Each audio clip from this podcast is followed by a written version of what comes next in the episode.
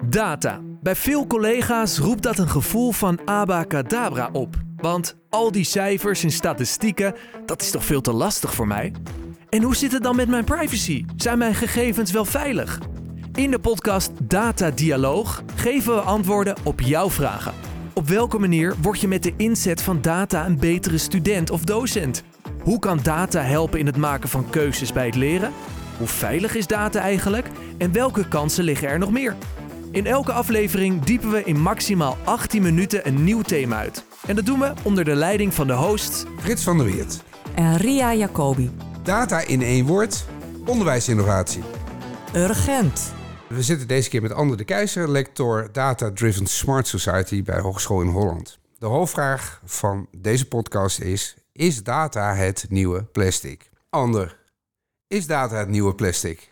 Daar ga ik natuurlijk nee op zeggen. Ehm, want, want ik zie allerlei positieve dingen aan data. eh, terwijl ik bij, bij plastic, ehm, behalve het feit dat je er dingen in op kunt bergen, je ziet het meestal als verpakkingsmateriaal, eh, zie ik niet zoveel positiefs aan plastic. Terwijl dat bij data wel het geval is.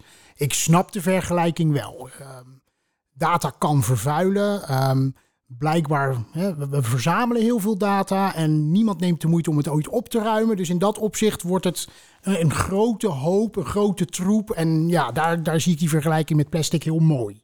Zie je, maar zie je ook, hè, want je leest ook in de media de uitspraken: het is geen onderdeel van de energietransitie, want het is eigenlijk ook een digitale transitie waar we in zitten. Dus die relatie, plastic data, zie jij dat? Ik vind, ja, ik vind het altijd lastig om relaties te leggen met, met. Tegenwoordig worden er overal relaties met energietransitie, materiaaltransitie. Alle transities worden aan elkaar geknoopt. Die vind ik heel lastig. Ehm, ik weet het, we hebben voor, voor de IT hebben we energie nodig. Ik las laatst weer ergens dat als je je mail niet opruimt, dat je dan flink aan het vervuilen bent. Um, maar volgens mij worden er heel veel zaken nu door elkaar gegooid die niet direct alles met data te maken hebben. Dus ik, in dat opzicht hou ik het liever clean en zou ik die zaken willen scheiden. Je zei zo net, ik zie de positieve effecten. Uh, en toen begon je over de, uh, maar ik zie de risico's ook.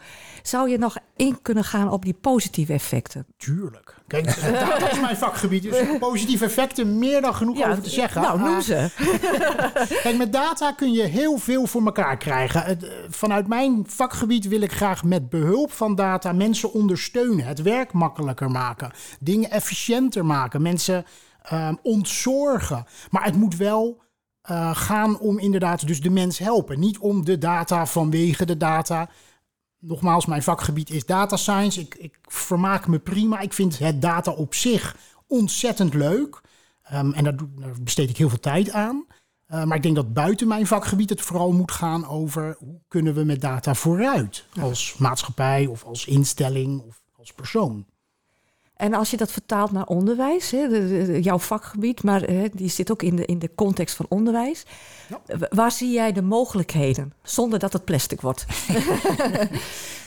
nou, je kunt natuurlijk um, al die systemen die we tegenwoordig gebruiken, die verzamelen sowieso data. En in dat, om toch even terug te grijpen op die plastic soep. Wat je wilt voorkomen is dat je data alleen maar verzamelt omdat we data kunnen verzamelen. Maar er zijn nou eenmaal systemen die toch al data verzamelen om hele andere redenen. Laten we dat dan hergebruiken, nuttig gebruiken voor de student, de docent, het proces. Volgens mij zijn alle drie van belang binnen een uh, onderwijsorganisatie.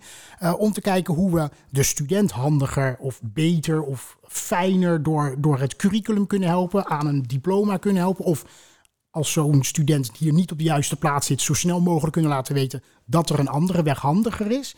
Uh, voor de docent is het handig om te kijken, hè, hoe gaat het met mijn studenten? Waar kan ik beter helpen?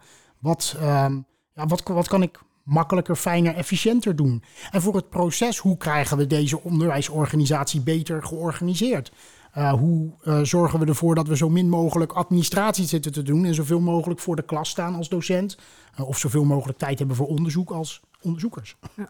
Kun, je, kun je ook een voorbeeld noemen in, in vanuit jouw praktijk waar je ziet dat het, dat het helpt? Hè? Want je zegt dat het helpt ons. Ja, studenten, um, en misschien is het goed om te zeggen dat ik niet heel veel voor de klas sta. Dus ik, ik geef gastlessen, maar ik geef geen uh, vakken. Dus, nee, dus ik volg geen studenten over langere tijd, behalve als ze ook komen afstuderen bij ons lectoraat. Um, maar wat ik, we geven al wel 25 jaar onderwijs. Uh, dus wat ik weet is dat als studenten online bezig zijn met hun onderwijs, dan kun je dat heel goed volgen, omdat al die systemen daar toch al iets voor geregeld hebben. En we hebben in een nou, iets langer uh, verleden hebben we gekeken, kunnen we daaruit halen welke studenten en onder welke omstandigheden er nu succesvol gestudeerd kan worden. En dan blijkt dat dus helemaal niet zozeer te gaan om of je een wiskundeknobbel hebt, bijvoorbeeld voor, voor wiskundevakken.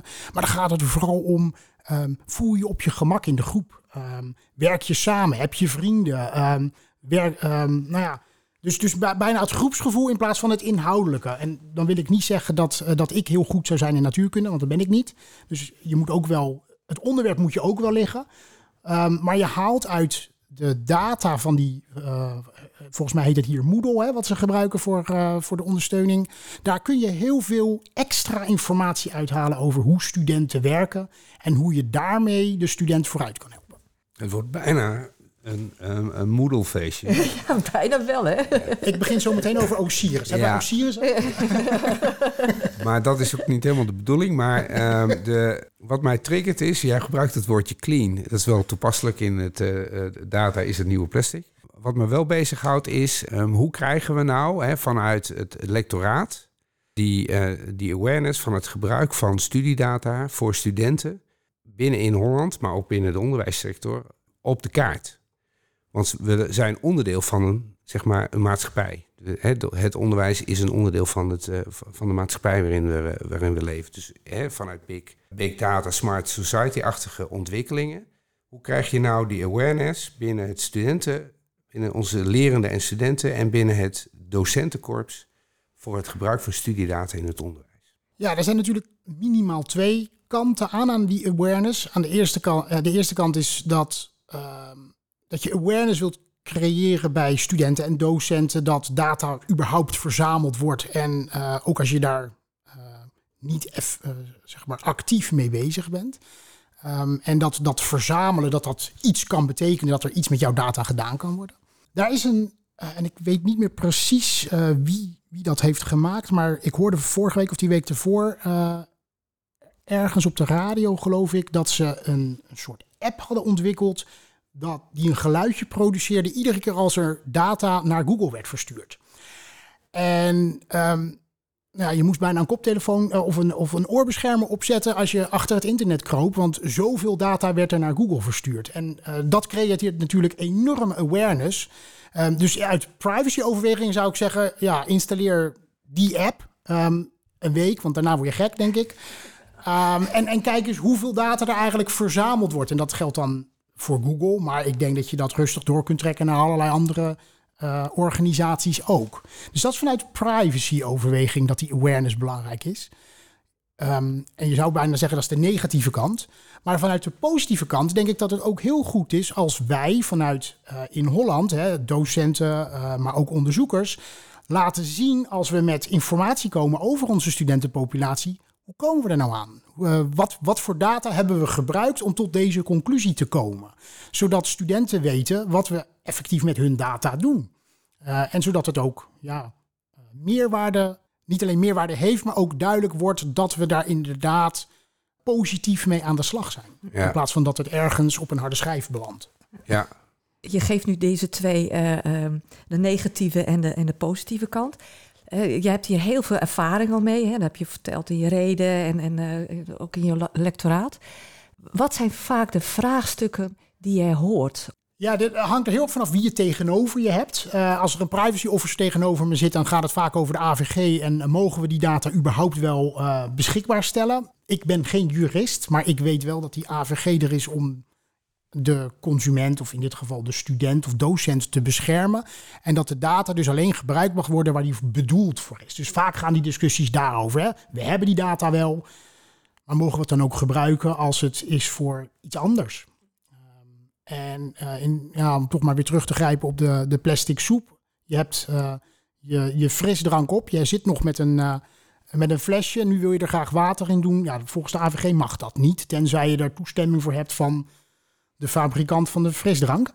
Um, terwijl voor data is het zo makkelijk om het te hergebruiken. Nou, ik denk dat we daar discussie over moeten hebben. En vooral meer tussen juristen en informatici moeten uitwisselen. Want ja, ik ben geen jurist, de jurist is geen informaticus. En het is heel duidelijk dat het bij het tot stand komen van die wet niet alle betrokken partijen heel uh, evenredig aan bod zijn geweest. Ja.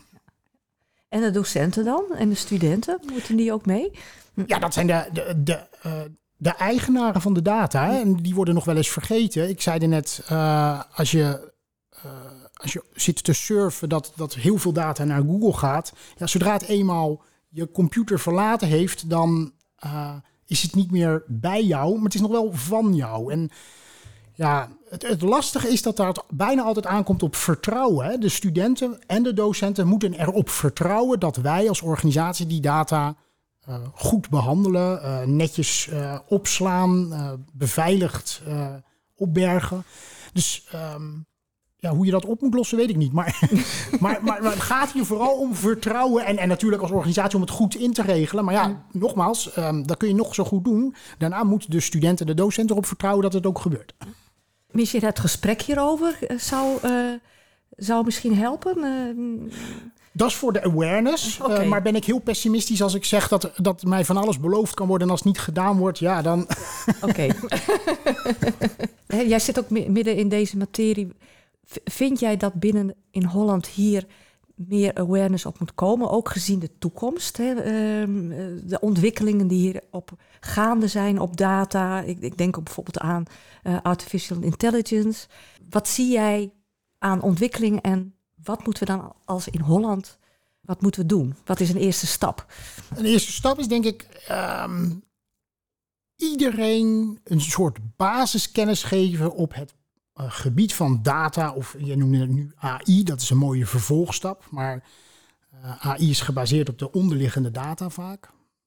Um, ik denk dat dat voor alle studenten, maar ook docenten, uh, nuttig kan zijn. En voor ja, bijna iedereen in, in de beroepspraktijk uh, gaat het een keer spelen. Hè, dat, je, dat je met data te maken krijgt. Dus als je dat in je opleiding krijgt, dat helpt enorm. En dat zorgt er ook voor dat je tijdens je studie weet ja, hoe er met data omgegaan kan worden. Ik bedoel, het bewustzijn neemt dan automatisch toe als je het in je opleiding krijgt. En hoeven we er niet iets naast een opleiding voor te verzinnen. Maar dan uh, hebben we het gewoon voor iedereen geregeld. Ja, oké. Okay. Ja, ik kan me voorstellen dat je denkt van... dit is een onderwerp wat ik ook nog in, eh, in relatie tot de podcast zou willen aanstippen. Want wij, zitten, wij zijn wel nieuwsgierig, maar jij zegt van ja, maar jongens, je moet hè, die awareness, je, je moet daar ook eens naar kijken of je moet daar ook aan denken. Nou, ik, ik, in de eerste plaats, je, je hebt het nu met een data scientist over de data. En, um, uh, ik probeer zoveel mogelijk altijd te zeggen dat, dat al die datavragen eigenlijk alleen maar goed beantwoord kunnen worden als je een data scientist en degene die iets weet van het domein waar die data uit komt, als je die bij elkaar zet. Dus uh, alleen een data scientist vraag heeft vaak niet heel erg veel zin. Ik wil mijn eigen werk helemaal niet uh, zeg maar uh, minimaliseren. Ik denk dat ik nuttig werk doe en, en ik hoop het nog lang te doen. Maar echte mooie resultaten en goede resultaten en betekenisvolle resultaten krijg je pas als je verschillende domeinen bij elkaar zet. Dus in dit geval als de, de onderwijskundige en die didactische zeg maar, inhoudelijke mensen bij ons zitten om met data te werken, dan krijg je mooie resultaten. Als wij het alleen doen, ja, ik weet vaak niet eens wat die data betekent. Dus voor mij is het, ja, um, zijn een hoop nullen en enen, om het maar heel plastisch uit te drukken. Um, maar de betekenis ervan, die ken ik niet. Dus we, we hebben elkaar heel hard nodig. En, en daarom denk ik ook dat, dat, dat dit zo'n lastig probleem is. Om die awareness te creëren, moet ik het niet alleen over die nullen en één hebben of over de, de analyses, maar moeten we het ook over de inhoud hebben. En wat betekent die data en wat kunnen we ermee? Um, en dat maakt het hele probleem natuurlijk wel iets lastiger, want je moet, ja, iedereen moet op zijn minst een beetje dezelfde richting uitkijken en elkaar helpen. En vanuit die ervaring, hè, wat je nu zegt, is er dan ook iets wat wij binnen in Holland uh, moeten stimuleren qua kennis en vaardigheden. Hè, want je, uh, dit is een, uh, ook een complex vraagstuk vanuit verschillende perspectieven. wat moeten we weten, kunnen, kennen, een houding misschien, vanuit jouw ervaring? Nou, iets meer buiten de eigen opleiding kijken. Dat, dat mag best wel vanuit de informatici. Die mogen best wel eens een keertje een, een, een teen of een voet buiten de informatica zetten om te kijken waar gaat die data nou over waar wij altijd mee aan de slag gaan. Ehm, maar de ja, verpleegkundigen, de werktuigbouwkundigen, de elektrotechnici, de, uh, de onderwijskundigen, die mogen best wel eens een keertje langskomen bij, uh, bij informatica of bij data science uh, in het algemeen. Om te kijken wat, wat gebeurt er nou met die data? Wat kunnen we er eigenlijk mee? Ook om te kijken, als wij data in ons vakgebied verzamelen, zijn die data scientists dan straks wel in staat om er iets mee te kunnen? Of verzamelen de verkeerde dingen? of doen we het op de verkeerde manier? Um, dus we moeten vooral over de grenzen heen kijken. Ja, dus eigenlijk wat je zegt, interdisciplinair leren en werken. Als we ja. dat binnen in Holland doen, moet dat ook op dit gebied. Ja, zeker. Ja, en volgens mij uh, heb ik dat uh, um, eerder ook aangegeven. En uh, zo niet, dan blijf ik het nu alsnog doen. mijn vakgebied zie ik als een van de meest multidisciplinaire vakgebieden. Um, ja, want, want alleen met een data scientist kom je er niet. Dus ja, samenwerken is, is absoluut belangrijk. Ja. Dus dat is in ieder geval een tip en een advies voor jou. Zeker. Hè, uh, als we naar de toekomst gaan hè, en even uh, afsluitend, hè, wat moeten we naast multidisciplinair uh, leren en werken of interdisciplinair leren en werken? Um, wat voor tip geef je nog meer mee als we kijken ook naar de toekomst en, en data meer willen benutten in het onderwijs, even vanuit jouw vakgebied? Ik denk dat we, um, dan ga ik weer een, een negatieve en een positieve kant uh, doen. Uh, ik zou zeggen, uh, laten we voorzichtig zijn. Dus, dus ver, verzamel niet lukraak data omdat we het kunnen. Maar denk eerst naar wat willen we eigenlijk als vraag beantwoorden. Of welk doel hebben we voor ogen. En verzamel dan de data. Ik denk dat dat heel belangrijk is om dat in de gaten te houden. En vanaf de andere kant denk ik, wees niet bang om eens te experimenteren. Dus, uh, dus ga aan de slag en kijk wat het oplevert. En, uh, en soms levert het niks op. Wees dan ook niet bang om te zeggen, dat is het niet. Dat uh, pad verlaten we. Maar soms komen er hele mooie dingen uit als je dingen experimenteert. Dus um, ja, ik denk dat je met experimenten kom je, kom je het verst. Dank Ander voor je tijd. ik vond het een, een heerlijk verhaal om, om te luisteren, maar ook af en toe prikkelende vragen te stellen. Wil je meer weten, heb je ideeën of suggesties? Stuur dan aan learninganalytics.inholland.nl een e-mail.